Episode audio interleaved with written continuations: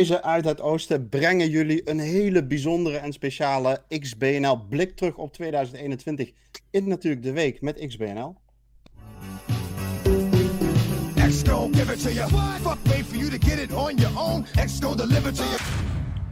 Kan niet genoeg krijgen van de tune. Kijk, we kunnen niet genoeg krijgen van de tune en van dit soort spontane openingen. Die, uh, ja, die, die, gewoon, die, die, schud, die schudden we uit de mouw. Dat, dat doen we gewoon op kerstavond voor jullie. Mensen, welkom. Jeff, Glenn, supergoed dat we dit gewoon op kerstavond samen uh, kunnen doen. En ik, uh, ik vroeg vanmiddag nog in de Discord: ja, jongens, kijk, we willen dit wel doen, maar wie is erbij? En Warempel, we hebben gewoon een redelijk volle chat. Met Evil Terreur, RM Niels, Picnic, Dimas. Uh, nou, ik even kijken, dan moet ik helemaal naar boven scrollen in de chat. Maar echt, sorry jongens als ik jullie vergeten ben. Kuchiki zie ik ertussen, John Beton en nog, uh, nog veel meer.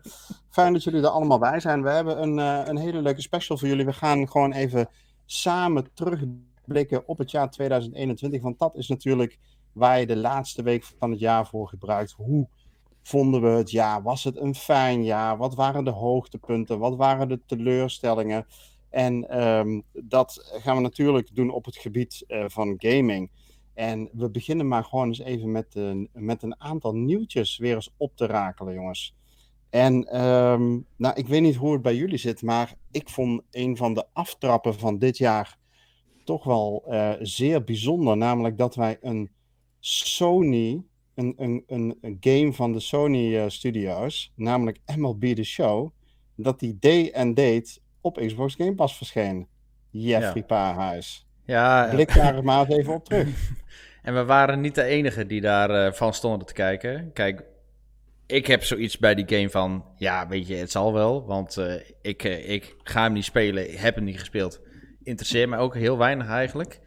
Maar het schijnt toch best wel een grote game te zijn. En ja, weet je, vooral voor de hele Amerikaanse de, markt...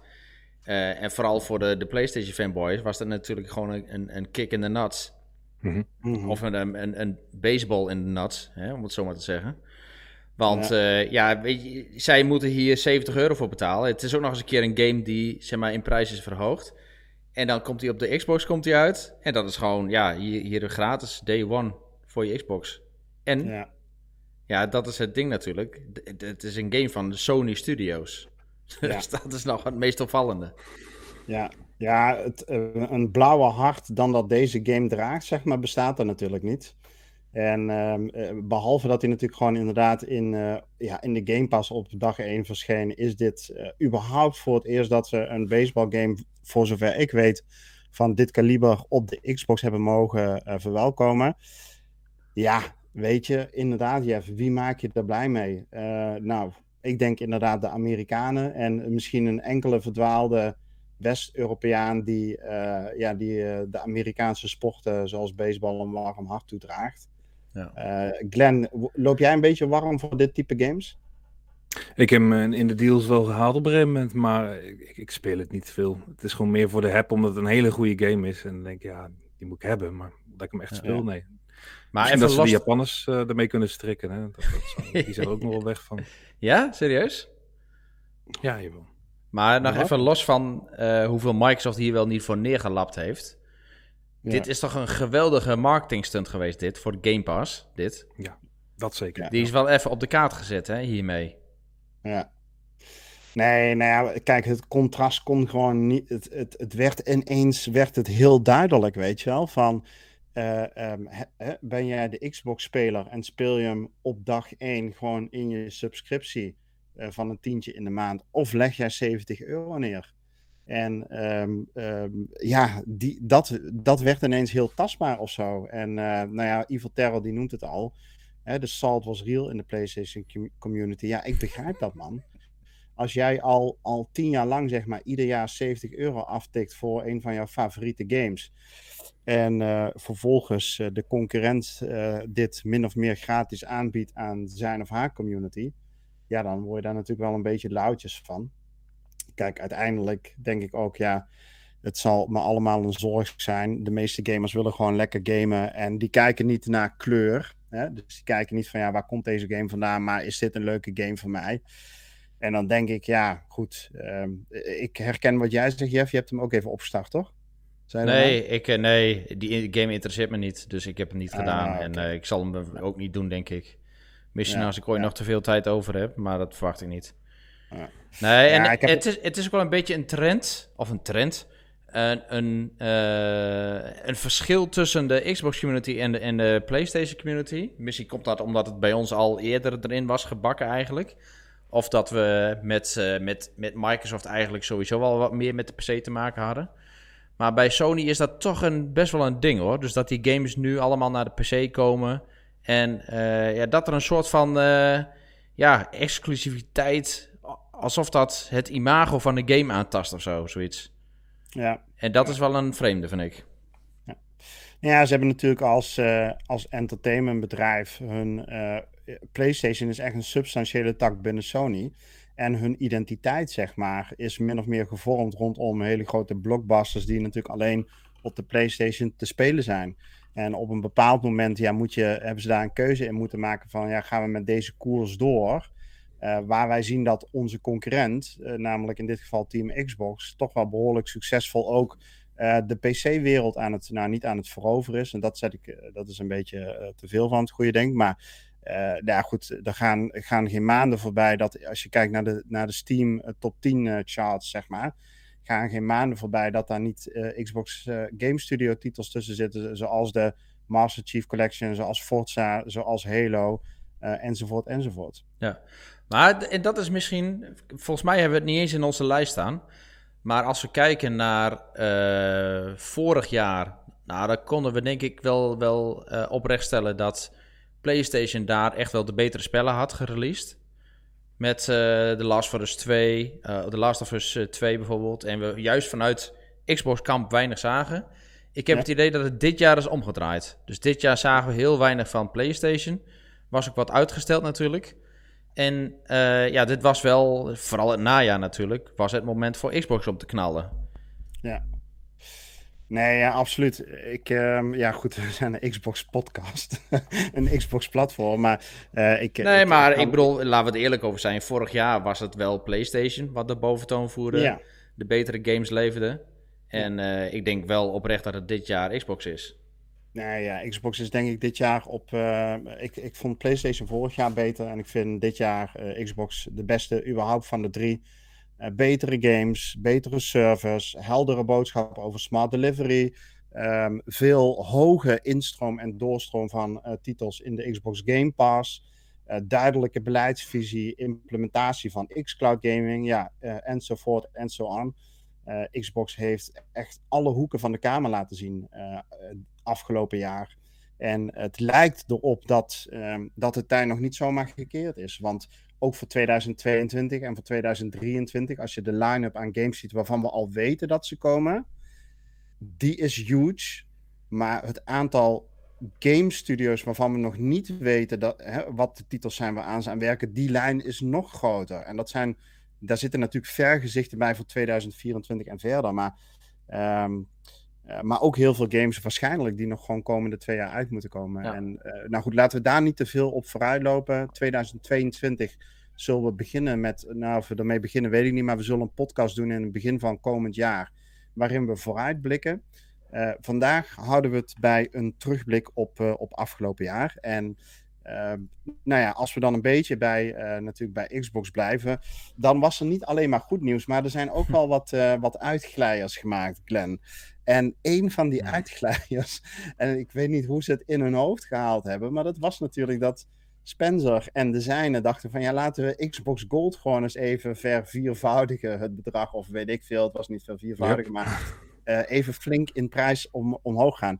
Um, ja, wat, ja, vertel. Dat, dat, dat gold niet voor, uh, voor Ultimate volgens mij het, leek meer een soort van actie inderdaad om uh, Gold uh, on, ja, minder aantrekkelijk te maken of zo. En ja, Game Pass uh, wat aantrekkelijker te maken. Um, het werd in ieder geval niet goed ontvangen. Het was ook, ja, het kwam uit het niets. Ze hebben het ook binnen een dag of zo weer teruggedraaid. Ja, het, heel ja, ongelukkig. Een dag later was het alweer teruggedraaid.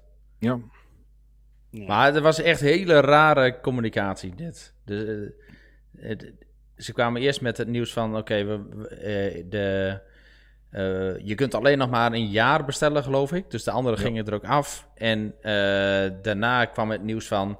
Ja, de jaarprijs gaat van 60 dollar naar 120 dollar. Nou, voor ons zou dat dan euro's betekenen. Nou ja, iedereen over de zeik. En we zagen dit wel een beetje aankomen, dus dat, dat gold eraf zou gaan. Dus ja, ik bedoel, de strategie is helder. Ze willen het gewoon uh, meer onaantrekkelijk maken. Dus de Xbox uh, Game Pass Ultimate abonnement meer aantrekkelijk maken. En uh, ja, er was zoveel backlash dat ze een dag later besloten van... ja, sorry jongens, we draaien terug. En als klap op de vuurpijl was daar ook nog eens een keer dat... een bepaalde, dat het free-to-play games...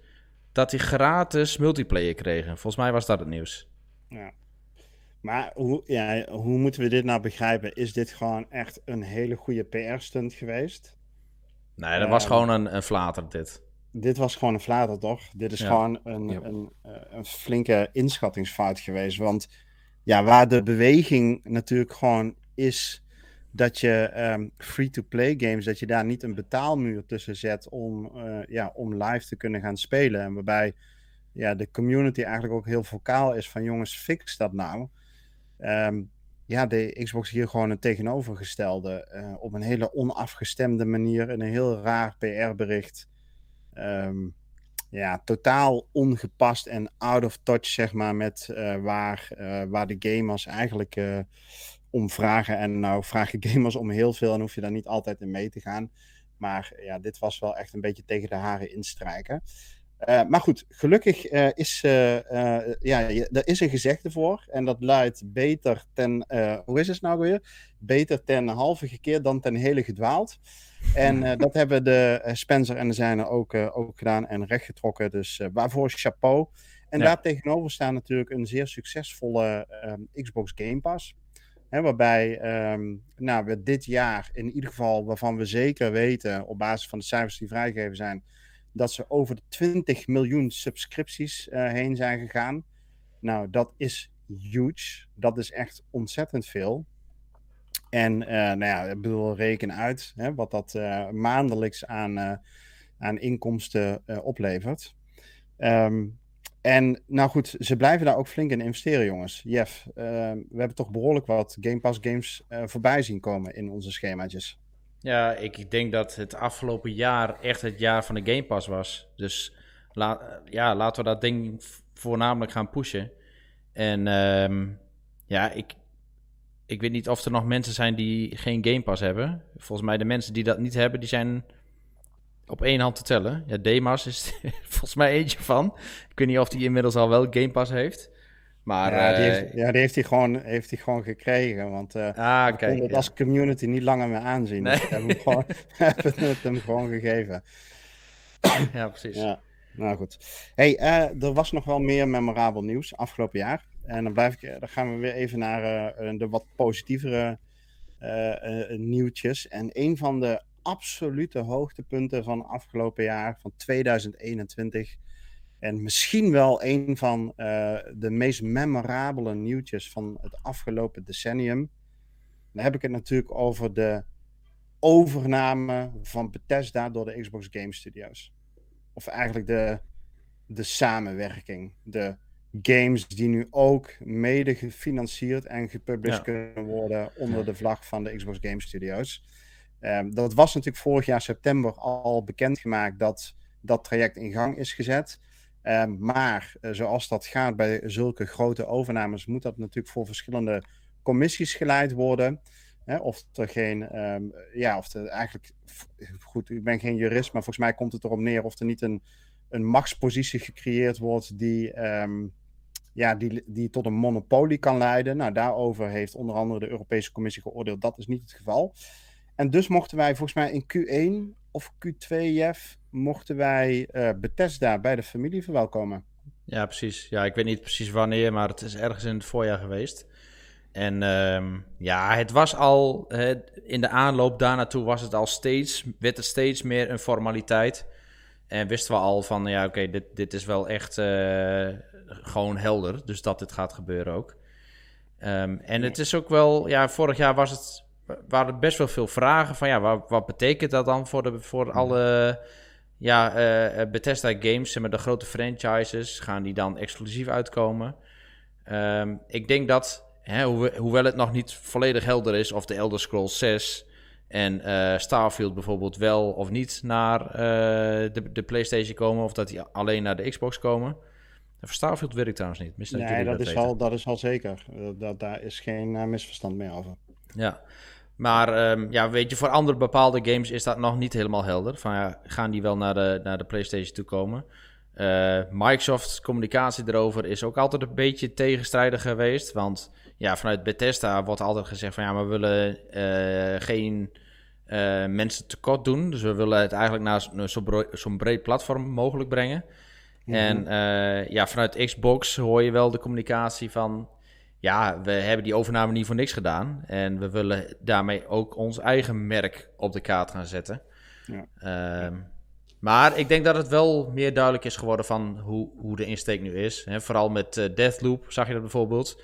Um, dat was gewoon een contract. Dat, dat is contractueel zo afgestemd. Dat gaat naar PlayStation.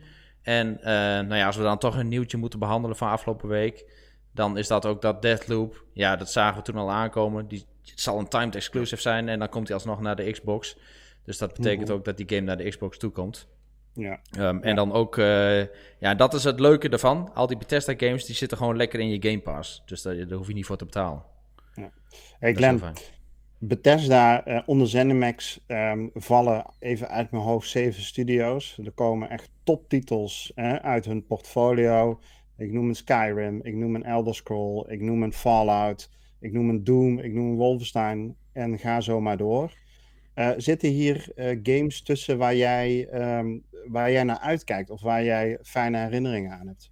Ja, zonder meer. Het merendeel zelfs wel. Dus ik ben ja. er heel blij mee. Het voelt eigenlijk ook alsof ze er heel lang al bij horen of zo.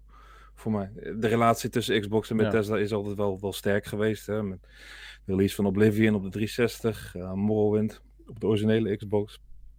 Onder andere. Um, ja, ik, ik, er zitten heel veel titels bij die ik heel erg graag speel. Ik ben blij dat ze, er, uh, dat ze erbij horen nu. Ja, ja.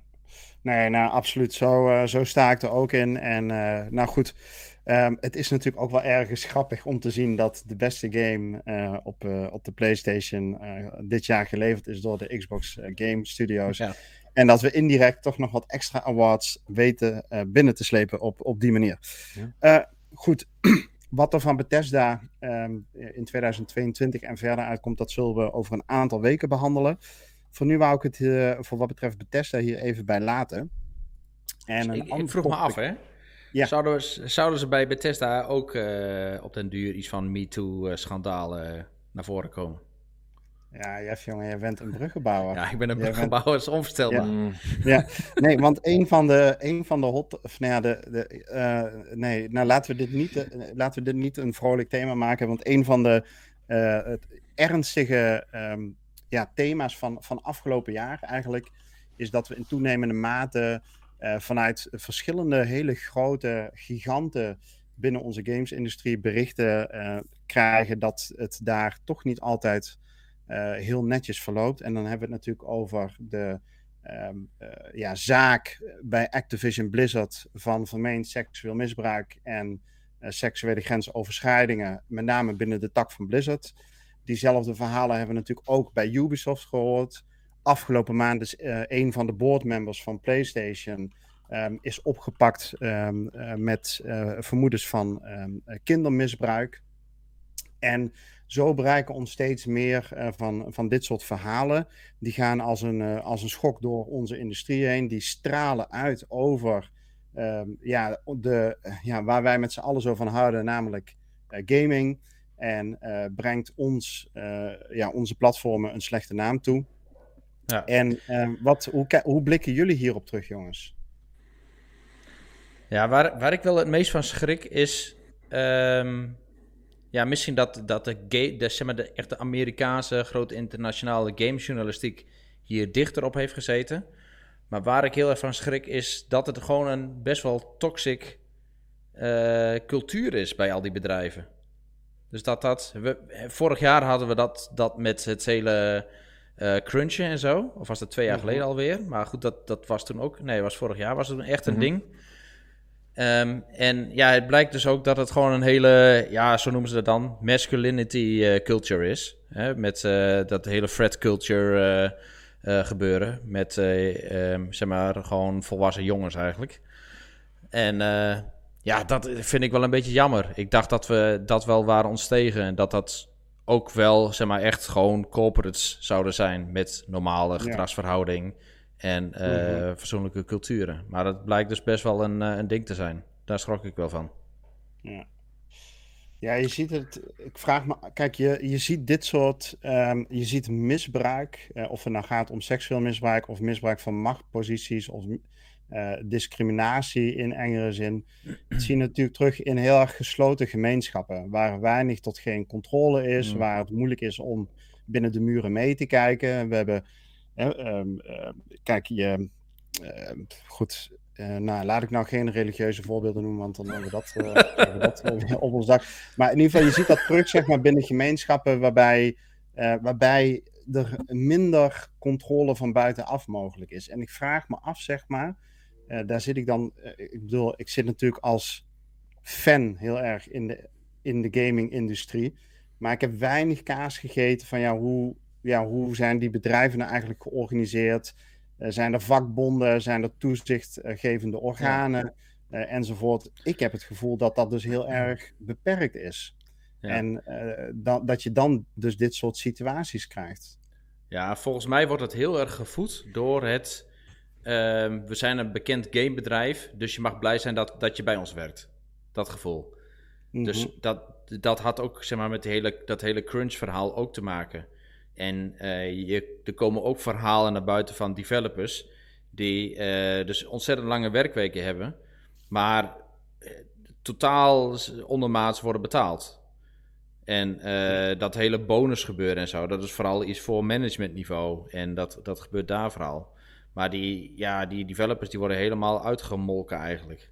En dat is allemaal, allemaal in naam van, ja, maar dan mag je bij EA werken. Of dan mag je bij Ubisoft werken. Of bij Blizzard. Mm Ja, ja. Ja, ik, um, goed Jeff, eh, eh, ik lees in de chat even heel snel een zijspoor uh, dat het beeld op zwart staat. Um, maar oh, nee, toch, niet, toch weer niet. Nee, het is alleen bij, uh, bij Hertog. Uh, even refreshen even refreshen, inderdaad. Glenn, um, heb, heb jij, hoe, kijk jij hiernaar? Ja, de gifbeker is denk ik nog niet leeg. En uh, daarnaast ook uh, de huidige uh, gevallen die we nu kennen bij Ubisoft, Activision Blizzard. Um, ja, de oplossing is er ook nog niet. Hè. Er wordt bij Activision wel gesproken dat de oplossing van binnenuit komt, moet komen, van hoger hand. Uh, de medewerker of de werknemers zelf beweren dan vaak weer, of dat hoor je dan, dat ze uh, zich willen verenigen. Um, ja, ik, ik, hoop dat ze een antwoord vinden. Ja. Bij uh, Ubisoft vind ik het vrij stil. Je hoort wel geluiden dat daar eigenlijk nog weinig veranderd is. Um, ja, maar daar hebben ze ook wel redelijk de, de, de bezem doorheen gehaald, toch, bij Ubisoft? er zijn een paar mensen verdwenen, maar als ik een paar journalisten erover hoor, Um, lijkt het nog zeker uh, uh, helemaal niet. Het lijkt er nog niet in orde te zijn. Mm -hmm. de, de, cultuur op zich is, is weinig veranderd, begrijp ik. Ja. Er is in ieder geval te weinig gebeurd. Um, ja, we gaan hier zeker nog heel veel meer van horen. Ja. Ik vind het zelf altijd wel lastig welke houding, ja, of ja, welke positie je daar zelf dan in moet nemen. Zeker ja, als, als redacteur. Nou, ik, ik vind met dit soort dingen, want daar ben ik het helemaal mee eens. Uh, soms heb ik het idee van, en dat is ook helemaal in de, in de filmwereld natuurlijk ook al. Um, op het moment dat er ook maar één, beschul één beschuldiging gebeurt, dan ben je direct al de boosdoener. Dan ben je direct al de boeman. Dus dat is eigenlijk het hele cancel culture. Um, ja, en ik denk met heel veel gevallen van ja, als er maar één verhaal is, en zo zit ik er een beetje in. Uh, ja, wie zegt mij dat dat niet iemand is die gewoon iemand uh, uh, ja, op die manier eigenlijk uh, wil backstabben of zo. Hè, dus dat dat uh, ook juist andersom wel een uh, slecht geval kan zijn. Ja, nou ja, kijk. Dus ja, ik, maar ja, op, op het moment dat er echt meerdere verhalen binnen een bedrijf loskomen, ja, dan kun je de, je hand voor in het vuur steken dat er inderdaad gewoon iets aan de gang is daar. Ja. Nee, nee dat is ook zo. En uh, dat, kijk, het is natuurlijk inderdaad ben het met je eens, zeg maar, dat iemand is heel snel zwart gemaakt. en ja. die komt in een rol dat hij zich moet verdedigen. Terwijl er eigenlijk nog helemaal geen bewijs, geen bewijs is. bijvoorbeeld. Nee, alleen de beschuldiging. Ja. ja. Aan de andere kant hè, weten, weten we ook zeg maar, dat binnen organisaties, uh, of dat nou bedrijven zijn of waar dan ook, hè, waarin, uh, waarin afhankelijkheidsrelaties zijn, dat daar misbruik gemaakt wordt van mensen. Als daar geen goede controle is, als daar geen, um, uh, nou ja, als daar geen goede beschrijvende regels zijn, als er geen externe um, toetsingskaders zijn die, die gevolgd worden dan weet je gewoon dat, dat dat meer kwetsbare plekken zijn waarin er een grotere kans is op misbruik, discriminatie en machtsmisbruik. Um, maar goed, ja, of dat hier, uh, nou ja, in ieder geval is dat hier ook het geval. En ik ben met je eens, Glenn, het zou wel eens het, het, het topje van, van de ijsberg kunnen zijn, waarover we komende jaren nog veel meer nare verhalen gaan horen. Um, van de nare verhalen gaan we naar de interessante verhalen, jongens. Want er is ook dit jaar iets heel opmerkelijks gebeurd. Um, er was een rechtszaak. En dan weten jullie al waarover ik het heb. Ja, ja, ja. Namelijk de rechtszaak Apple versus Epic. En um, nou denk ik dat wij alle drie niet per se geïnteresseerd zijn in rechtszaken. Maar in deze toch wel um, heel veel ja, hoe moet ik het nou zeggen? Een, we hebben eigenlijk een, een uniek kijkje in de gaming-industrie kunnen krijgen. Alles kwam los. Alles kwam los. Even voor de context. Wat was er aan de hand? Um, um, nou, Epic kennen we natuurlijk als degene die um, Fortnite gepubliceerd heeft en ontwikkeld heeft. Uh, op verschillende platformen, verschillende devices, waaronder ook de devices van Apple. Uh, degene die Fortnite kennen en het merendeel van de luisteraars die zullen ongetwijfeld weten welke game dat is dan weet je ook dat er een in-game uh, systeem is om transacties te verrichten. Dus met andere woorden, je kunt een Battle Pass kopen, je kunt skins kopen enzovoort. En um, nu is het zo dat bij, um, en ik zal het vast veel te simpel en ongenuanceerd uitleggen, maar zo is het op hoofdlijnen zoals ik het begrijp. Is het zo dat op het moment zeg maar, dat je in de Apple Store of in de Google Store of in de Microsoft Store die game aanbiedt, dat het ook gebruikelijk is om voor transacties een bepaald bedrag uh, ja, af te dragen aan degene die jou faciliteert. En in dit geval is dat dan Apple. Nou, um, zoals ik het begrepen heb, maar uh, correct me if I'm wrong, jongens. Um, is het zo dat Epic daar niet tevreden over was dat um, Apple allerlei regels ten tonele brengt uh, ja, die buitenproportioneel zijn, dat ja. er hele hoge bedragen uh, afgedragen moeten worden. En uh, zodoende heeft Epic hun eigen betaalsysteem geïmplementeerd binnen de game Fortnite, waarmee ze de, de Apple Store hebben weten te omzeilen. En vanaf dat moment is Fortnite uit de store gehaald. En in reactie daarop is er een rechtszaak gestart. Um, dat allemaal zal me worst wezen, om heel eerlijk te Nou, dat was best wel een lang verhaal om het allemaal worst te laten wezen. Ja, dat klopt inderdaad. ik probeer een beetje context neer te zetten. Ja, ja precies. Nou, het, het komt er, in, in het kort komt er eigenlijk op neer dat Apple gewoon zijn machtpositie misbruikt en dat Epic uh, Apple daarom gesuwd heeft. En uh, ja, daarbij zagen we een uniek kijkje in de gamewereld, want het geval was ook dat al die, uh, dus dat, dat eigenlijk de rechters wilden kijken of het inderdaad zo was dat Apple zijn machtpositie misbruikt. En hoe dat dan gaat binnen de game-industrie. Dus allerlei documentatie van ja, gewoon gesprekken onderling hè, met, met uh, ja. Epic. Uh, gesprekken ook met uh, de hoofden van Sony en, en Microsoft. Hoe zij dat in hun store eigenlijk doen. want het kwam het afgelopen jaar ook wel weer aan bod. En ja, die, die gesprekken die kwamen dus allemaal naar buiten. En dan zag je ja, hoe menselijk dat, dat er eigenlijk aan toe gaat. Maar ook hoe ja, verschillend sommige bedrijven dat oppikten. Ja, ja. ja nee, echt buitengewoon interessant. Die hele e e-mailwisselingen tussen Phil Spencer en Tim Sweeney. Ja. Uh, over uh, dat uh, dingen die ineens duidelijk worden dat Epic Sony wel betaalt om, uh, uh, wat was het, uh, cross-platform mogelijk te maken. Ja, precies. Maar de andere partijen niet. Nou ja, daar kwam een beerput naar boven die, ja. die, zijn, die zijn weergaan niet kende. En dat was echt super interessant om, om die verschillende documenten te lezen. uiteindelijk moet ik ook zeggen dat ik door de boom het bos niet meer zag. Ehm, maar gelukkig waren er dan een aantal die zich daarin vastbeten. Ik vond dat Tom Warren onder andere van uh, The Verge is die, dacht ik. Hè? Ja. Uh, die heeft zich daar behoorlijk in vastgebeten. En die wist dat altijd wel heel mooi, uh, mooi samen te vatten. Um, maar dit was een uniek kijkje in de keuken. Dat kunnen we wel stellen, toch? Ja, zeker. En misschien is dit ook wel de aanleiding geweest naar het gedraai aan de kant van Sony. Van totaal niet cross-platform ondersteunen. Tot aan uh, ja, toch onder, zeg maar, onder groepsdruk worden gezet. Of onder sociale dwang worden gezet om het toch wel te gaan doen. Ja, ja. Ja, nee, dat zal er ongetwijfeld uh, toe, bijgedragen hebben, inderdaad. Ja.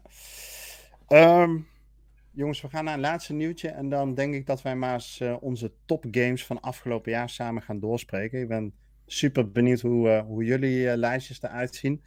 Um, maar eerst nog even het volgende nieuwtje. En dat heeft ermee te maken dat ook 2021, wat eigenlijk als een rode draad door het jaar heen liep en vorig jaar eigenlijk wel al begonnen is, zijn twee dingen.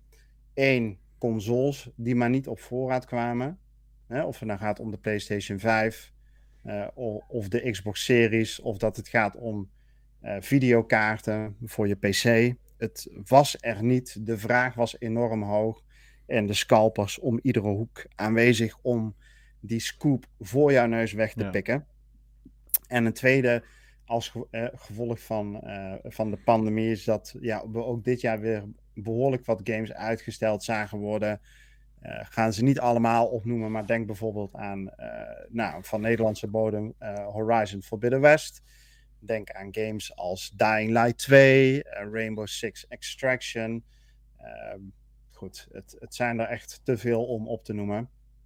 Allemaal met een initiële release datum van 2021 en allemaal doorgeschoven. Ja.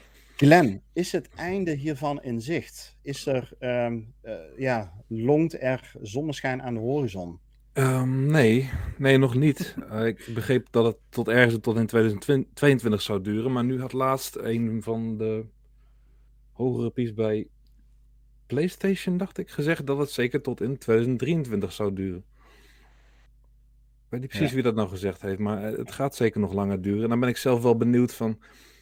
Eh, je hoort ook wel dat PlayStation in de hoek zit waar de klappen vallen. Hè? Heeft uh, Microsoft, Microsoft bijvoorbeeld betere deals bedongen voor de levering van hun chips? Dat, dat weet ik niet zo goed.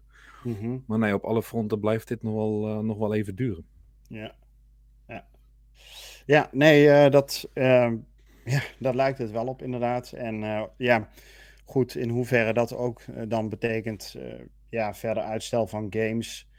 Dat moeten we nog maar gaan zien. Ik denk dat we in het algemeen wel zien dat ontwikkelaars ietsje, ik hoop in ieder geval dat ontwikkelaars ietsje terughoudender worden met het geven van datums. Want het is toch iedere keer een teleurstelling op het moment dat een release window ver, verschoven wordt. Um, eh, nou goed, laten we hopen dat dat in 2022 weer, weer beter zal gaan. Jongens, ik denk dat wij maar eens uh, uh, het nieuws laten voor wat het is. We gaan zien wat 2022 ons gaat brengen. Um, maar het is denk ik wel een mooie gelegenheid om qua games ook nog eens terug te blikken op afgelopen jaar. Want ondanks dat er toch behoorlijk wat games doorgeschoven uh, zijn geweest, is dit wel een jaar waarin uh, we denk ik meer dan ooit hebben kunnen gamen. Simpelweg omdat er weinig andere dingen mogelijk waren. Uh, en toch ook wel bijzonder veel leuke en goede games uh, gereleased zijn. En um, Jeff, wil ik toch eens met jou beginnen. Oké, hoe, hoe, gaan we dit aanvliegen? Ja. Gaan we bij onze minste game beginnen? Uh, dat mag.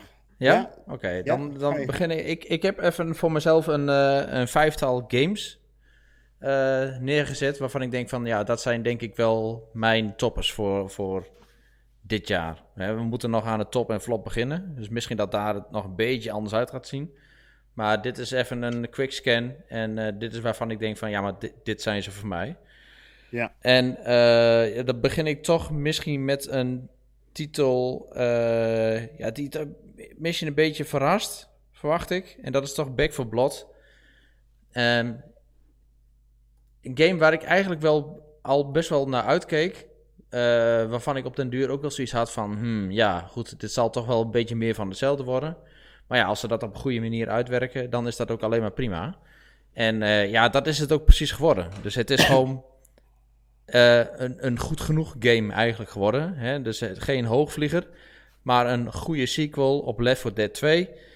met nog wat nieuwe toegevoegde gameplay elementen. Uh, en ik hoop op dit moment dat we gewoon meer story gaan krijgen, een extra campaign erbij gaan krijgen, zodat we die game nog eens een keer gaan, uh, kunnen gaan oppikken. Uh, maar ik heb me hier ontzettend mee vermaakt. Ja, ja.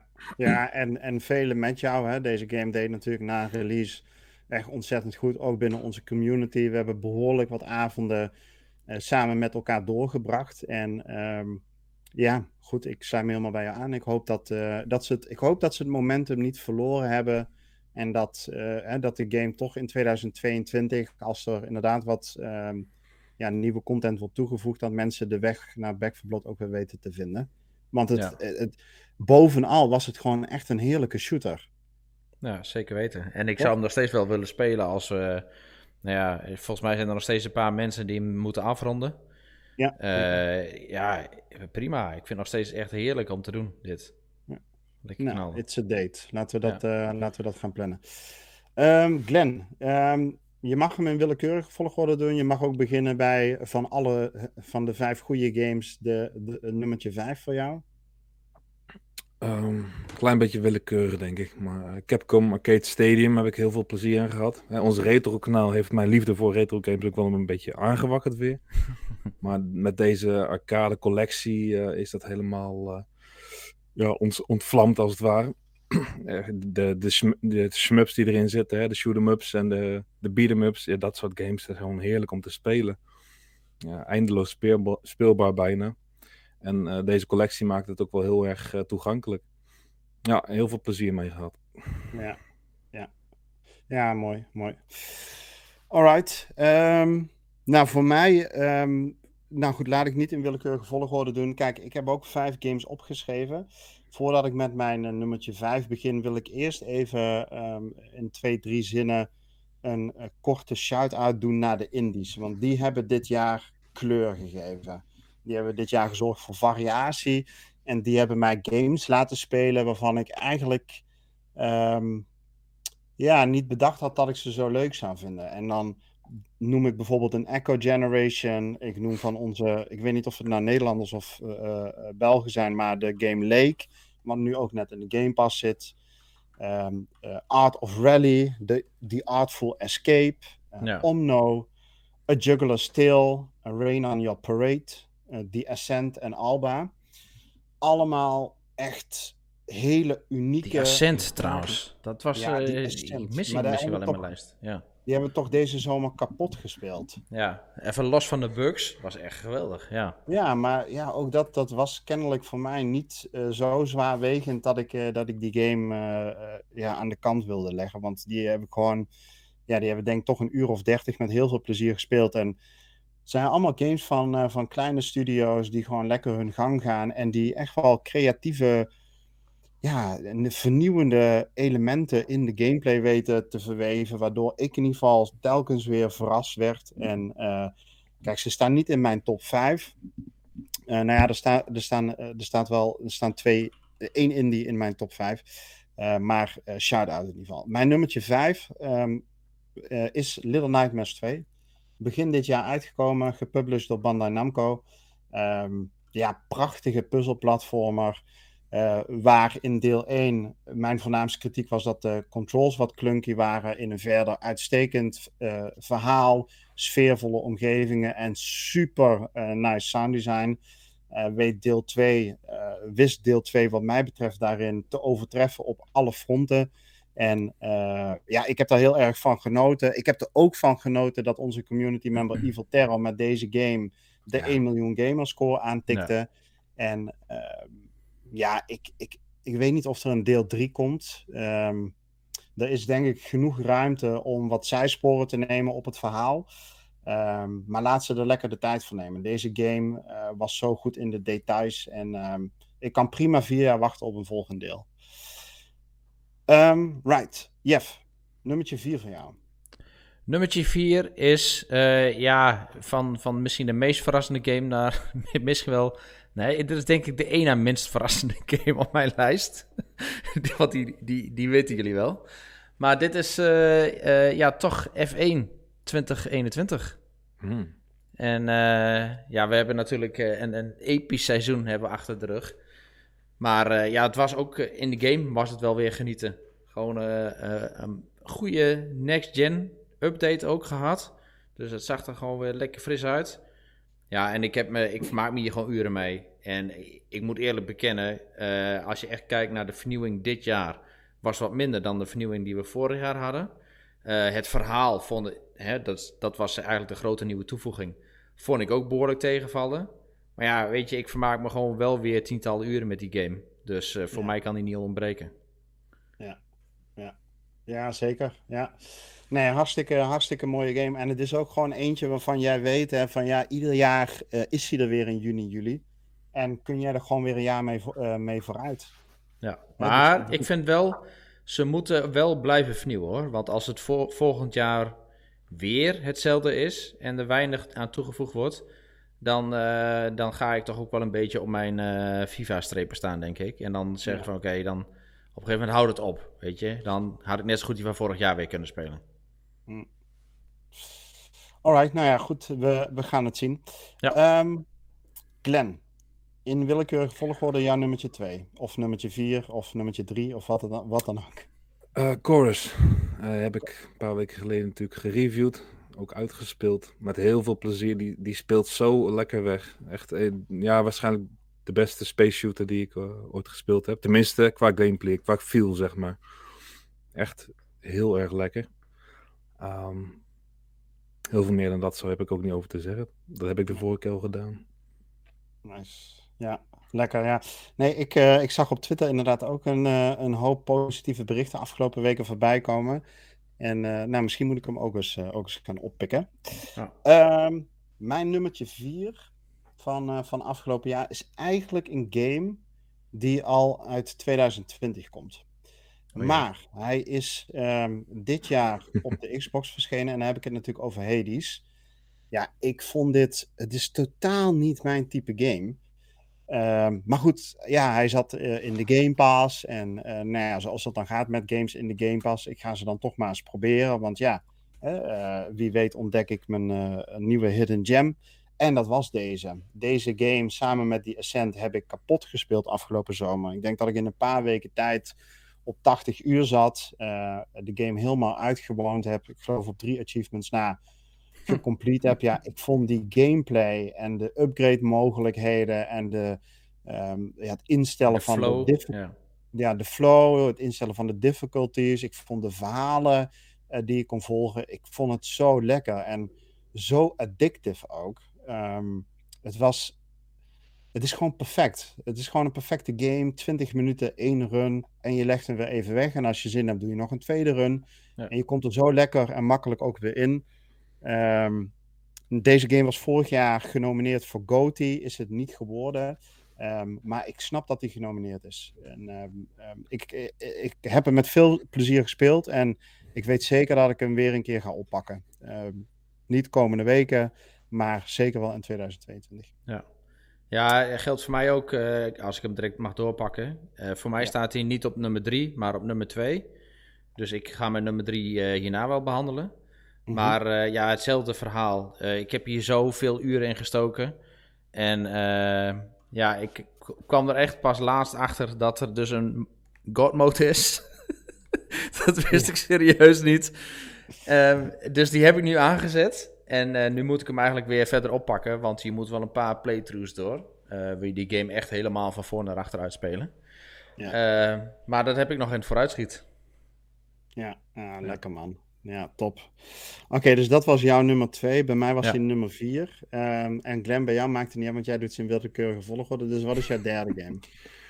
Uh, Forza Horizon 5 dan maar. Het is inmiddels een beetje haatliefde, moet ik zeggen. Vanwege de vele bugs en probleempjes die we hebben gekend. En de grind begint ook een klein beetje te vervelen. Als je heel deel 4 al elke, elke week uh, uh, de, de unlocks hebt proberen te behalen. En Dan is het nu toch weer een beetje hetzelfde. Er zit wel wat meer variatie in die uh, seasonal playlist. Maar toch begint het wel wat uh, te vervelen, moet ik zeggen. Maar de variatie die in de game zit, hè, Playground blijft fantastisch. En ook de, de, de, community content in de vorm van Event Lab, daar heb ik heel veel plezier aan. En uh, ja, het speelt nog weer lekkerder, het is nog weer mooier. Uh, ja, het is in ieder geval de game die ik het meest gespeeld heb dit jaar. Dus. Ja, ah, oké. Okay. Ja. Voordat jij naar je, naar je nummer, uh, want dit was de nummer? De, wij gaan nu naar mijn nummer drie, maar ik denk jouw nummer drie, ja, dus als jij. Precies, want voordat jij... Nou, nou oké, dan ga jij eerst maar. Want als deze game ook op jouw nummer 3 staat. Nee, nee, nee. Jij wilde oh. denk ik de, uit de chat de top 5 opnoemen. Nee, nee, nee, nee, nee. Voor mij staat deze game ook op mijn nummer 3. Oh, sorry. Dus, en ik ja. sluit me verder aan bij Clan. En dan mag jij. Okay. Ja. Nou, voordat ik naar mijn nummer 3 ga, wil ik even een aantal top 5's uit de chat opnoemen, jongens. want anders, ik dacht, dat doe ik aan het einde, maar de chat gaat me iets te snel. Dan ben ik bang dat ik het kwijtraak. Even bij Picnic te beginnen. Die, ja, nee, dat is serieus net top 5. Uh, ik, ik, lach om de laatste game. Maar in, uh, ik, weet, ik denk dat het een willekeurige volgorde is. Hij noemt de Medium, Outriders, Forza, Halo en Lawnmower Simulator. Die, uh, die Gasmaai game. Hoe, hoe, Picnic, hoe, heet jou, hoe heb je jouw Gasmaai ook alweer genoemd? Ik weet dat Dimas hem Hector genoemd heeft. even kwijt hoe Picnic, Picnic hem ook alweer genoemd heeft. Uh, over die game gesproken, Dimas heeft zijn review al aangeleverd, maar we, ik, ja, we moeten hem nog redigeren, of ik moet hem nog redigeren, en dan moet hij naar eindredactie, dus die, die zal ja, snel... en we moeten, we moeten hem ook nog serieus nemen, die game. Ja. ja dus, uh, nou ja, gaat wel even, daar gaat wel even een redactioneel proces overheen, hoor. Ja, daar gaat een ja. heel redactioneel proces overheen. Hey, de top 5 van Evil Terror in, uh, uh, op nummertje 5 uh, Habroxia 2. Um, nummertje 4 Little Nightmares 2. Nummertje 3 Hades. Nummer 2 Tales of Arise. En nummertje 1 It Takes Two. Um, ja, mooie lijst. Ja, de, grote overlap met, met een aantal van die van ons. Hertog Finn, ik denk in willekeurige volgorde The Medium. Sonic Colors Ultimate, Forza Horizon 5, Halo Infinite en op 1 Psychonauts 2. Dimas op nummertje 5 Trash Quest, op nummertje 4 Outriders, op nummertje 3 Halo Infinite, op nummer 2 Dead's Door en op nummer 1 Law Mowing Simulator. Mm. Ik vrees dat dit uh, GOTY wordt, jongens. Oh mijn dit wordt, deze met, wordt, met deze community. Deze, ja, ja, die, die snupt gewoon uh, Forza Horizon 5 van de, van de troon, jongens. maar ja, er zitten in ieder geval wielen onder, dus ja, weet je. ja, precies. Yes. Geef ze zo'n gelijk. Ja, alright. Hey, uh, mijn, uh, mijn nummer drie is een uh, franchise die, ja, dat behoort tot mijn toppers of all time. dan heb ik het natuurlijk over de Life is Strange franchise. En uh, specifiek dit jaar Life is Strange True Colors, uitgegeven door, De of um, ontwikkeld door Deck 9. Uh, en natuurlijk uh, gepublished door Square Enix. volg het verhaal van Alex Chen, een geadopteerd, nou niet geadopteerd, maar een, een ja, inmiddels jonge vrouw die, ehm, die in tehuizen is geraakt, problematische jeugd kent en uiteindelijk hoopt rust te vinden in het plaatsje Haven, waar ook de hele game afspeelt. Ja, en uh, zoals Life Strange zich het betaamt, is dit weer een heel indringend, uh, meeslepend verhaal. Uh, ook weer met superkrachten, zoals we dat ook van de vorige Life Strange kennen, die ook weer feilloos in de verhaalvertelling geïmplementeerd zijn. Dat hele dorpje um, ja, floreert in de visuele details. Ja, ja, je zou hem echt moeten gaan spelen. Want ik denk dat jij ja, ik... uh, dit als um, uh, pixel fanboy zeker kunt waarderen. Um, bovendien ja, weet ik. zeker nog op de lijst deze. Ja. Ja, moet je doen. En ik weet ook, Tell Me Why heeft jou, hè, was jouw goatee van vorig jaar. Ja, 100%. Um, nou, ik vond deze op de eindstreep iets minder goed dan Tell Me Why. Maar uh, ja, marginaal. Het is nog steeds een, een topgame. Dus dat was, uh, was mijn nummer drie. En dan ben ik bij jou de tel kwijt, Jeff, want jij hebt het denk ik al vier genoemd. Ja, ja. Dus we gaan naar jouw nummer één. Nee, was okay. bij drie. Nou ja, of we, we gaan, naar, we gaan even naar Glenn toe. Oké, okay, Glenn, ga je gang. The Procession to Calvary. Jeffrey noemde hem vorige week al. Nou, zoveel lol aan gehad. Ik ben helemaal niet van de point-and-click. Ik heb er ook een walkthrough bij gehad, net als Jeffrey. Ja. Maar dan nog, ik heb er zoveel lol aan gehad toch ook wel een beetje aan het lezen geslagen. Hè? Net als een beetje een shout-out van mij, Disco Elysium. Daarbij kon ik er niet omheen om, om te beginnen met lezen. Ik, ik kon er niet meer gaan skippen, zeg maar. Ja. Maar dat heeft me ook wel eh, wat meer gebracht, moet ik zeggen. En ik probeer nu ook in, in de games uh, mijn aandacht bij het verhaal te houden. En uh, die skip-knop gewoon eens even te laten voor wat het is. Maar ja, Processing to Calvary, het, het, heeft mijn liefde voor Europa aangewakkerd. Gewoon hoe glorieus dit is. En ook, ook de, de, de, de, ja, de, de art, zeg maar. Ik, ik, wil er gewoon meer van. Ik wil, ik, ik wil musea in. Ik wil die, die schilderijen in me opnemen. Ik vind het echt een glorieuze game. Het is gewoon full-on comedy, dit. Het is Monty Python humor ten top. En uh, het heeft niet mijn top 5 gehaald, deze game. Want qua game is dit geen hele hoogwaardige game of zo. Nee, maar dit is wel, als ik kijk naar de, de, de top 5 van wat heeft mij het meest geamuseerd dit jaar? Dan staat hij er zeker wel in. Ja. Absoluut, ja. Nice. Dus dit, dit is gewoon een aanrader. Ja, dit is zeker. Dit is de parel op de Game Pass die jij moet spelen. Echt? Oké, ik, ga hem, ik ga hem dadelijk nog downloaden. Ja, 100%. The Procession to Calvary. Ja. Geinig. En hoeveel uur gameplay? Nou, je, ja, je, je, speelt er een paar uur doorheen. Dus het is ook geen hele commitment wat je, wat je hoeft aan te gaan. Oké, oké. nou die, uh, die gaan we checken. Um, zal ik dan eerst mijn nummer 2 doen, Jeff? En dan komen we bij jouw nummer 1 uit. Prima. En uh, ja, mijn nummer 2. Ja, weet je, kijk, ik, ik dacht van ja, moet ik die nou erin zetten? Maar ik ga het toch gewoon doen. Ik, ik doe het gewoon, weet je. Ik laat, mij niet, ik laat mij niet meer door jullie de kaders en de regels opleggen van mijn top 5. Um, ehm, je hebt hem al ingeladen, heel goed. Ja, tuurlijk.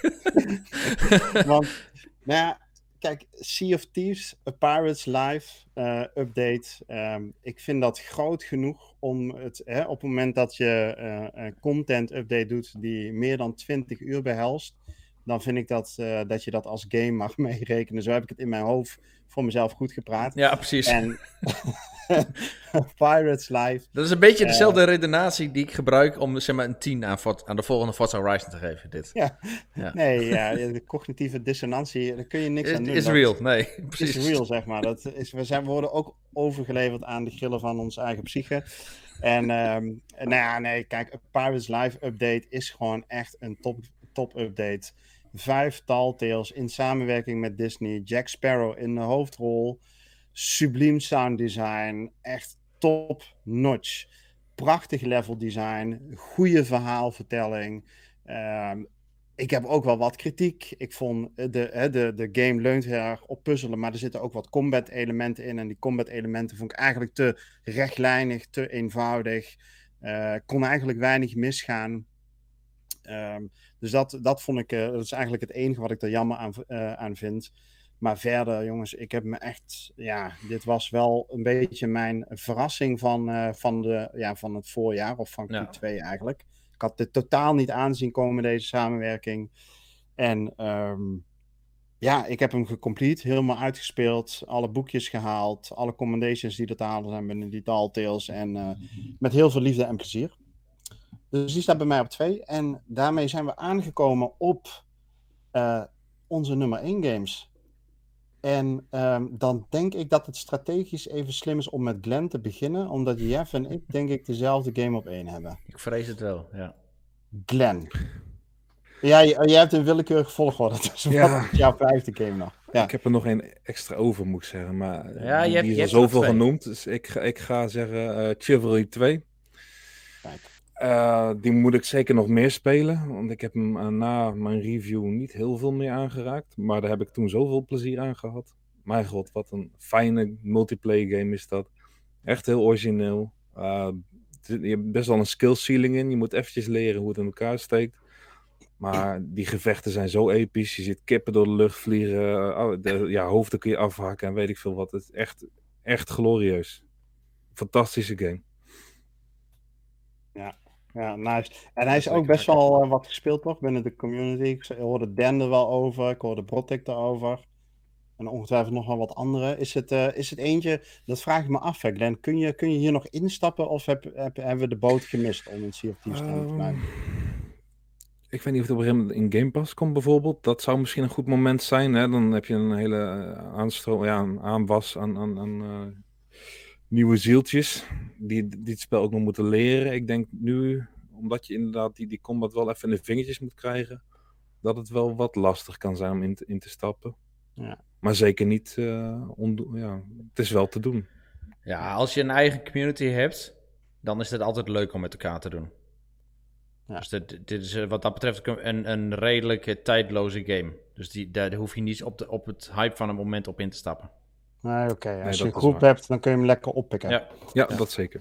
Nou, mooi. Goed. Chivalry op, uh, op, uh, is de, de sluiter van jouw lijstje. Um, uh, Masmenno, welkom in de chat. Mocht je nog een top 5 met ons willen delen, dan, dan doe dat gerust. De mannen in de chat zijn jou al voorgaan, maar we lezen hem graag nog even op. En by the way, congrats met je baan bij Eurogamer. Klasse man, echt heel mooi. Um, ja, Jeff, jij mag onze nummer 1 vertellen. Ja, nou, dat is ook een game die je eigenlijk met z'n tweeën doet. En uh, als een totale verrassing ook kwam. Want we dachten wel van, ja, oké, dit wordt best wel een grappige game. Maar het, is een, eh, het, het was gewoon, ja, het overtrof en het overtrof en het overtrof, eh, zeg maar, tijdens het spelen. Dus dat was echt wel een, uh, ja, een hele bijzondere ervaring. En uh, dat is natuurlijk It Takes Two. Ja. En uh, Jammer, ja, de, de, de manier... Ja, sorry dat we geen Chivalry hebben gedaan. Nee, maar jullie houden wel een beetje van olifantjes verkrachten. Ja, dat, oh, die scène met het olifantje. Ja, die, die was erg. Die was echt heel erg. Brak, jongen. Ja. Ai. Ja, precies. Ja, maar dat, dat typeert de game ook wel. En hoe, hoe erg je... Hè, want ik vind de game, die moet het echt 100% hebben van zijn gameplay. En de flow, weet je, dat is zo soepel en zo stabiel, consistent. En ook continu weer vernieuwend. Um, en dan daar ook nog een meegezogen worden met het verhaal. En ja, de afwisseling die erin zit. Uh, de manier waarop je dit met z'n tweeën moet spelen. Dat is echt van ongekend hoog niveau dit. Ja. Nee, ja, ik, ik heb daar weinig aan toe te voegen. Dus voor het eerst in, uh, nou, nu bijna drie jaar XBNL dat ik een game een 10 heb gegeven. Um, uh, om redenen die Jeff noemt. ja, het speelt zo ontzettend soepel. En ik was ook zo blij. Uh, ja, eigenlijk, kijk, het zou natuurlijk eigenlijk niet uit moeten maken. Maar ik was toch blij, merkte ik, dat, ik, dat deze game de GOTY Award heeft gewonnen. Um, het, is, het is een ode aan de onbegrensde creativiteit. Um, die ja. Joseph Fares en, de, en zijn ontwikkelaars in deze game gestopt hebben. Zoveel liefde, zoveel passie. Um, heb ik zelden in een game teruggezien. ja, dik, een dikke 10 waard en, uh, en mijn. Uh, ja, zeker. Ik kan er niet meer over zeggen. We hebben hem twee keer gespeeld, hè? Ook nog ja. om die. Uh, ja, maar het tweede... is. Ook, ik, moet ook zeggen, het is gewoon op alle fronten scoort hij gewoon echt subliem. en is het gewoon verrassend. Gewoon qua. Ja, weet je, de, hoe soepel het speelt. hoe consistent het ook is, zeg maar, in zijn, in zijn performance. Maar ook continu verrast en continu nieuwe gameplay elementen. Maar dan ook nog eens een keer weer continu verrast qua uh, ja, setting waar je dan in komt. En de sfeer ja. die je dan hebt. Ik weet nog wel ja. dat, dat, dat Winterdorp bijvoorbeeld. Hè, dat je die sneeuwgevechten met elkaar doet. En dan heb je dat uh, Harry Potter-achtige wereldje heb je. Wat, uh, ja, wat, wat die sfeer totaal omarmt. En dan, ja, weet je, dat, dat verhaal met die muziekinstrumenten, waar zoveel sfeer, ja, er zit zo ontzettend veel sfeer in. Dat is onvoorstelbaar. Ja, ja heel origineel. En, en, er worden ook best wel moeilijke thema's behandeld, heb ik begrepen. Klopt dat? Ja, uiteindelijk gaat dit, uh, gaat dit verhaal over um, ja, ouders die uit elkaar gaan. En uh, die je op de een of andere manier probeert weer bij elkaar te brengen. En dan laat ik even open of dat, eh, of dat succesvol is of niet. Maar dat is de kern van het verhaal. En um, om op dat punt te komen, hè, dat er een besluit genomen wordt of ze wel of niet weer bij elkaar uh, komen, doorloop je eigenlijk allerlei partner-relatieconflicten. En die zijn in, een, in speelse thema's verwerkt. Um, hè, dus je hebt uh, de ene laag, namelijk dat is de speelse gameplay die ontzettend soepel uh, loopt en waarin je helemaal op kunt gaan en in principe helemaal niets met het verhaal hoeft als je ja. dat niet wil. Maar de onderliggende uh, laag is de verhaalvertelling. En als jij ehm, daarvoor open staat en je wil dat volgen, ja, dan heb je. Ja, goed, sommigen vinden het op, op sommige punten een wat cliché verhaal met, wat, ja, oh, met iets te veel theatraliteit. Ik denk dat dat met name um, in de presentatie van dat boek zit, die als een soort narrator door de game heen uh, je begeleidt. Ik heb me daar zelf niet aan Collaboration. Collaboration. maar dat was ook vooral een beetje een... En ja, ik, ik, ik weet niet of mensen de game dan wel goed hebben gevolgd. Want dat boek, dat begon op een gegeven moment ook echt een karakter van zichzelf te worden. En dat, dat brachten die andere game karakters ook continu wel weer naar voren. Zo van, oh, dan heb je dat boek weer met zijn gezeik. ja. Nee, exact. Ja, nee. Nou goed, uh, een topgame. En ik denk dat we daarmee onze top 5 um, ehm, uh, uh, gaan afronden. Um, ik kan me voorstellen dat in een volgende podcast als Renk en, um, en Niels er ook weer bij zijn. Ik ben ook super benieuwd hoe hun top 5 eruit ziet. Ik weet zeker dat die weer totaal anders is. Dat vind ik ook wel, valt me nu ook weer op, weet je wel. We zijn best wel een gevarieerde ploeg bij, binnen XBNL. Um, ieder heeft toch, uh, er is wat overlap in games die we leuk vinden, maar ieder heeft ook zijn eigen genre wat hem aanspreekt. Op de valreep krijgen we ook nog de top 5 van um, Mas Menno binnen, die eigenlijk dezelfde worsteling had als ik, want die eerst zegt op 5 Ratchet Clank, die had ik ook eerst op 5. En die later zegt, nou, ik, ga die, ik wil die toch vervangen door Forza Horizon 5. Uh, op 4 noemt hij Pirates Live van Sea of Thieves. Op 3 Halo Infinite. Op 2 Psychonauts 2. Psychonauts 2, hoor. Ja, maar die gaat ook nog wel een andere top, uh, top 5 zitten, jongens. Hmm. En op één, net als ons It Takes Two. En daarmee zijn wij aangekomen bij het laatste topic van deze speciale podcast. En dat doen we gewoon geheel in stijl. Namelijk, wat hebben wij afgelopen week zelf gespeeld?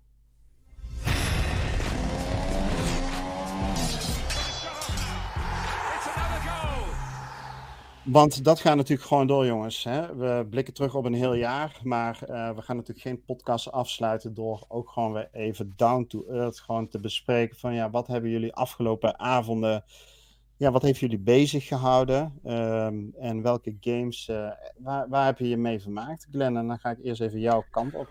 Ik heb vrij veel met mijn zoontjes samen gegamed deze week. En dat wordt ook steeds leuker. Hè? De, de, variatie aan games uh, wordt ook steeds groter, waar hij in geïnteresseerd is, die hij ook mag spelen. Uh, ik zie hem ook heel graag uh, Minecraft spelen. Hè. Ik ben trots op zijn creaties, gewoon wat hij bouwt. En ik blijf elke keer verbazen wat hij dan zelf uitgevogeld heeft. Maar um, samen hebben we deze week Timesplitters 2 opgepakt. Gewoon een vrij onschuldige shooter. En uh, daar hebben we ook samen heel veel lol aan beleefd. En zijn eerste shooter eigenlijk ook. Um, ben 10 uit de Game Pass hebben we samen doorgespeeld. Dat is van een soort van Cartoon Network serie. Ik ken hem niet zo goed, maar uh, het was best wel een vermakelijke game. Uh, ook voor hem weer een beetje een eerste actiespel. Verschillende karakters waar je het kon kiezen, tussen kon wisselen. Bepaalde gameplay momenten die hij eer, nog eerder had, eh, had gezien. En het is heel leuk om hem dat voor het eerst ja, te laten meemaken en, en daarvan te genieten. Ja. En zelf heb ik uh, Halo Infinite, Infinite nog gespeeld. Uh, de, de campaign had ik vorige week of de week daarvoor uitgespeeld even nadenken. En uh, nu had ik een beetje de laatste collectibles, de upgrades had ik een beetje verzameld. Uh, de laatste we wereldbazen heb ik uh, neergehaald. Ja. Ook weer met heel veel plezier. Hij zal zeker in mijn top 5 staan hoor, maar hij is al zoveel genoemd. Ja, een zalige game ook. Ehm, ik ben heel benieuwd wat er nog gaat komen de komende jaren aan uitbreidingen met verhaal. Mm-hmm. En de eerste keer dat ik naar buiten stapte, heb ik ook een klein traantje gelaten. Ik moet de, de, de herinneringen aan Combat Evolved en ja, heel blij dat de, de serie weer terug is op deze manier. Al waren 4 en 5 niet slecht, maar, maar je begrijpt wat ik bedoel. Ja, en um, in de sale heb ik Project Cars 3 nog opgepikt. Uh, heeft vrij veel backlash gekregen, hè, omdat hij dezelfde naam draagt als twee games die toch veel meer op, ja, een beetje in, in, in de sim-hoek zitten van, uh, van de racerij. Ja. En dit is toch echt een game die je uh, veel beter met een, een gamepad kunt oppikken. En ik moet zeggen dat hij dat, uh, dat, dat ook best heel goed gaat. Hij rijdt, ja, het speelt heel lekker weg. Je ziet wel dat er heel veel assets uit deel 2 ook zijn overgenomen. Maar ehm, ja, als je zoekt naar een soort van alternatief voor Forza Motorsport of uh, Gran Turismo, dan is dit uh, best wel een aanrader eigenlijk. Ja. ja. Nou, mooi. Lekker Glenn, klinkt als een goed weekje. Um, Jeff, voordat we naar jou gaan, wil even reageren op een vraag van Picnic. Die vroeg zich af of we topic community vragen nog bespreken. Ah, ja. En um, ja, in die zin, er waren een aantal vragen ingezonden over, ja, hè, als je terugblikt op 2021, wat waren je hoogtepunten? En toen we die vragen lazen, hebben we bedacht van, ja, we maken dit als thema uh, aflevering. Um, er waren ook een aantal vragen, waar kijk je naar uit naar 2022? En die behandelen we in een aparte podcast. Ja. Uh, en dan waren er nog twee, uh, twee alge algemene vragen, die zijn niet per se nieuwsgebonden van afgelopen week. Dus die parkeren we voor nu even. Dus het komt wel aan bod, we zijn het niet vergeten. Um, nou, ik zag nog één vraag van. Ik zag nog één vraag van Leon voorbij komen. Dat ging over. Uh, ja. Die vroeg ons om een rectificatie. En die kan ik wel even geven. Dat ging over Matrix Awakens vorige week. Toen had ik het erover dat 100% van wat we zagen, dat dat gerenderd was. En dat is niet waar. Dus dat is, er zitten een paar stukjes in Um, die echt pre-generated zijn of uit de film zijn. Um, maar ja, ik denk dat het, het verhaal van vorige week wel redelijk duidelijk was. Dat we echt wel mildly impressive waren. Uh, onder de indruk waren van uh, ja, dat eigenlijk het grootste gedeelte van het hele verhaal gewoon gerenderd was. Gewoon real-time gerenderd wordt. Terwijl we in de veronderstelling waren dat het allemaal voorgegenereerde stukken waren. Maar dat, dat is dus gewoon niet zo. Dus zowel over de, de, filmpjes vooraf als over die gameplay en die stukken tussendoor. Er zitten een paar stukjes in die zijn opgenomen. Maar um, alles waarbij je hè, even goed tuurt en kijkt van... Hey, is dit nu in game of is dit echt? Um, dat is uh, gewoon real-time gegenereerd dus. Hm. Oké, okay. nice. Goed, scherp. Um, ja, wat zo, we hebben wel, ja, uh, ik had inderdaad één vraag nog over het hoofd uh, gezien, want die was om, om kwart voor negen ongeveer binnengekomen van Evil. wat is jullie Christmas Guilty Pleasure game om te spelen? Um, oh jee, Simpsons? Ja, heb ik niet, heb ik niet echt eigenlijk. Um, niet? Jullie wel dan? Ja, ik dacht de Simpsons voor jou. Dat het, maar ja, of het nu kerst of Pasen is, of zomer of winter. Ja, dat is altijd gewoon jouw guilty pleasure. Ja. Dat zou ik aan iedereen kunnen voorschrijven om het hele jaar door te spelen. Maar... Ja. Nee, ik heb uh, zo niet wat wat uh, in mij opkomt of zo. Oké. Okay. Jij, Glenn? Nee, eigenlijk niet. Nee, niet. Oké. Okay. Nee. Volgens mij was, uh, is het in een andere podcast ook behandeld. Daar zat ik zelf niet bij. Ik dacht dat uh, Niels onder andere het over Batman, uh, de Arkham-serie had. Ja. En ik dacht ook dat iemand de Division noemde. Alleen nou weet ik niet of dat hier in een podcast was of een discussie op Discord. Ja. Nee, dat heb ik ook wel gezegd. Maar een guilty pleasure zou ik het dan weer niet noemen. Nee. Maar dat is meer een kerstthema. Een goede kerstgame, ja. ja. ja. Nou ja, voor mij wordt het gewoon Sea of Thieves, maar daar uh, kom ik zo nog wel op. uh, ja, we hebben hem toch een beetje behandeld, uh, Evil, dus... het spijt me, Matthew. Ja, goede vraag. Leuke vraag. Um, Jeff, uh, even terug naar wat we afgelopen week gespeeld hebben. Wat heb jij gespeeld? Nou, ik heb het uh, helemaal van voor naar achter gespeeld. En dat is uh, de Gunk. Um, en ja, ik wil daar niet heel veel woorden aan vuil maken. Want jij hebt die review vooral gedaan. Dus ik, mhm. en, als, als we er wat over vertellen, dan mag jij daar even een mooie analyse op loslaten nog. Maar ja, ik, het enige wat ik er wel over kan zeggen is, ik heb me daar prima mee vermaakt. En ik heb hem lekker uitgespeeld van voor naar achter. Een uh, goede ervaring. Ja. Lekker, lekker. Ja. En uh, daarnaast nog uh, Halo Infinite. Ook Halo Infinite campaign uitgespeeld. En we hebben vorige week Among Us gedaan. En dat was wel verrassend oh, lachen eigenlijk. Dat. Dus ja, voor mensen die nog in zijn, of vanavond, ja, ik denk dat ik vanavond nog wat tijd heb. Vanavond of ergens dit weekend nog even Among Us kunnen doen. Graag. Was lachen. Ja. Ja, ja het was, uh, ik heb ook één keer meegedaan en ik vond dat ook... In, uh, ik, vond, ik vond het leuk en uh, ik denk dat ik het nog een paar keer leuk vind en dan ook wel gezien heb. Ja. Dus, ja. Maar ja, het is gewoon hilarisch met elkaar aan de party van... Ja, nee, ja, er ligt hier ineens een luik. Ja, ik weet ook niet hoe dat hier komt. Ja, we, we, deden, we, deden, we, waren op een gegeven moment waren we met een stuk of acht man... En die Fries die zat er dus ook bij, hè, Renko? Ja. En uh, die lekker een beetje met mij aan meelopen. Dus we waren lekker een beetje aan het teamen en zo. En af en toe was hij wel weg. Maar dan kwam hij wel weer aan en zo. en uh, ik zei al direct tegen hem van... Nou, weet je, ik vertrouw je wel hoor. Maar uh, we waren zo de hele game zo aan het uitwerken. Op een gegeven moment waren, we, waren wij met z'n tweeën over. En toen had ik in de gaten van... Oké, okay, dit...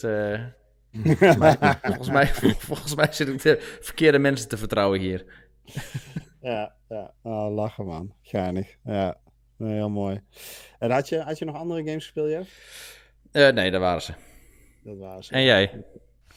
Ja, ik heb de Gunk gespeeld, maar ik zit een beetje te twijfelen of ik daar nu over ga vertellen. Een review heb ik geschreven, die staat voor redactie klaar. Um, ik denk dat ik dat even parkeer ja. voor de volgende keer, anders ga ik daar te veel over uitweiden nu. En voor mensen die echt benieuwd zijn, hou de website in de gaten. Ja, die zal, ja, als iemand zin heeft om tijdens de kerst te lezen, komt hij online en anders wordt dat, uh, wordt dat na de kerst. Um, ik, heb, um, ja, ik heb veel Sea of Thieves gespeeld. Ik uh, zit daar weer helemaal in. Dat gaat een beetje met uh, golfbewegingen. Non-pun intended, by the way. En um, ja, we hadden, was gisteravond even leuke korte anekdote. Het was zo lekker, jongen. We zaten, ik kreeg een appje van Jess van ja, je moet nu komen. Er is een galley voor de fortune aan het kleren en we gaan, uh, we gaan de. Dus, uh, nou, oké, ik uh, snel Xbox aanzetten en stonden die gasten daar. En Flamer, Peter en Jess stonden ze in hun galley een eilandje verderop stil, aangemeerd. Te wachten totdat voor de fortune flink vocht. ben je drie kwartier mee bezig, maar de loot is echt huge. wachten totdat die Reaper klaar was. En uh, nou, op een gegeven moment na een kwartier, zij stonden er al een tijdje, dachten we, oké, nu zal het wel bijna klaar zijn. Dus Peter die bleef op die boot en wij gingen er naartoe roeien. En rustig en die golfjes die over ons heen en we kwamen steeds dichterbij. En dan op een bepaald moment, dan laat hij de muziek in, weet je wel, van dat event. Dus uh, ja, die, die, dat hart zat in mijn keel, want uh, ja, er staat toch wat op het spel, zeg maar. En bovendien is, vind ik dat ook spannend. En uh, het lukte om uh, die boot achter op die galley aan te meren. Hè, dus dan dokt hij in de galley. En uh, Jess die ging omhoog de mast in. Um, um, Flame die ging met een keg, zo'n explosive barrel, ging die naar het benedendek. En ik bleef in de captain's corner zitten. En we dachten, ja, op een bepaald moment, zeg maar, als ze dan die eindbaas verslagen hebben, dan, dan slaan we toe. Dus er waren er drie op het eiland. En eentje die was voortdurend loot aan het binnenhalen, want je hebt van die captains die je verslaat. En op een bepaald moment hadden zij, denk ik, maar dat weten we niet zeker, maar hebben ze, de, hebben ze waarschijnlijk een explosive barrel aan de buitenkant geraakt, waardoor die de explosive barrel die wij meegenomen hadden triggerde. Dus oh. die boot aan de onderkant pff, explodeerde. Vier, vijf gaten erin. Ja, en uh, ja, goed, toen gingen we al in natuurlijk. Dus binnen, uh, en ze, hadden, ja, ze wisten niet dat wij er waren, omdat zij dachten dat die, dat die gaten kwamen door die explosive barrel ja, ja, van buiten. Ja. Dus uh, binnen één minuut waren ze allemaal van de kaart en was die boot gezonken. en uh, hadden wij nog drie, vier minuten nodig om die eindbaas te verslaan, want ze hadden daar al behoorlijk op inlopen hakken. En hebben wij, hebben wij de loot, zeg maar, uh, weten te verzilveren. Ze kwamen nog één keer terug. En, maar ja, ze kwamen volgens mij woest om ons afgevaren. Dus uh, volgens mij dachten ze totaal niet meer na. Dus het enige wat wij deden was die boot een beetje, een beetje draaien. En ja, wachten totdat ze in range waren. En poef, poef chain shots en die masten lagen down. En was het ook weer binnen twee minuten gebeurd. Dus dat was, oh, ja, ja, dat was, er, ja, dat was er echt eentje. Ja, dat was er eentje voor in de boeken. Dus, uh, oh. en de, nou, dat, dat was gewoon een hele memorabele avond. En verder ben ik wat uh, commendations en achievements in Sea of Thieves aan het uh, bijwerken. Zit ik bijna op 3000 gamerscore, dus dat gaat lekker. Zo. En uh, nou, dat voor Sea of Thieves. En laatst zal ik niet te veel over uitbreiden. Maar ik, heb, ik, ben, ik ben weer vuistdiep in Minecraft Dungeons. Ja joh. En dat is leuk. Die, die hebben veel nieuwe content gereleased. Ook een nieuwe Season Pass met uh, ook een soort Battle Pass systeem, zeg maar, met dat je rankt naast je normale progressie. En dat bij iedere rank je iets vrij speelt, meestal een customization uh, of, een, uh, of een artefact of iets dergelijks. En ja, dat, dat is wel weer leuk. Dus ik ben nu mijn character weer flink aan het levelen en dat, dat bevalt goed. Hm. Ja, goed. goed. Dat was dat was het denk ik voor vandaag, jongens. Op kerstavond met onze foute kerststruien. Ja. Denk ik... Glenn heeft ook zijn foute kersttrui aangetrokken. Glenn heeft zeker ook zijn foute kersttrui aangetrokken. Vinden wij dat de community een achiever verdiend heeft? Op deze ja, ja, ja, tuurlijk. Ja. Kijk. Nou ja, meer dan gewoon bijna vijf kwartier, joh, aan de lijn. Ja, dus uh, hier, hoppakee. Mensen, met deze Rare Achievement uh, unlocken wij Christmas Evening. Wensen wij jullie hele fijne eerste en tweede kerstdag. Mocht je nog in de mood zijn voor een cadeautje, check dan xboxnederland.nl, want we hebben as we speak een giveaway lopen van Little Nightmares 2. Je kan nog meedoen. Uh, de inzendingen kunnen tot en met tweede kerstdag en dan uh, worden de twee edities verloot. Volgende week staat er ook weer een giveaway voor je klaar. Dus we vieren uh, het uittreden van dit jaar met games. Samen met jullie op onze Discord, op onze website en op onze socials. En we wensen jullie, mochten we je daar komende dagen niet spreken, in ieder geval fijne feestdagen. Een goed uiteinde. En dan zien wij elkaar, denk ik, in de eerste week van januari weer. Maar dat zullen we nog uh, communiceren. Yes. Uh, mannen, dankjewel. En ja. uh, fijne dagen. Ja, jullie ook. Tot ziens. Feestelijk weekend gewend. Yes. Denk nog een beetje aan het kinderke. Absoluut. dat zullen we doen.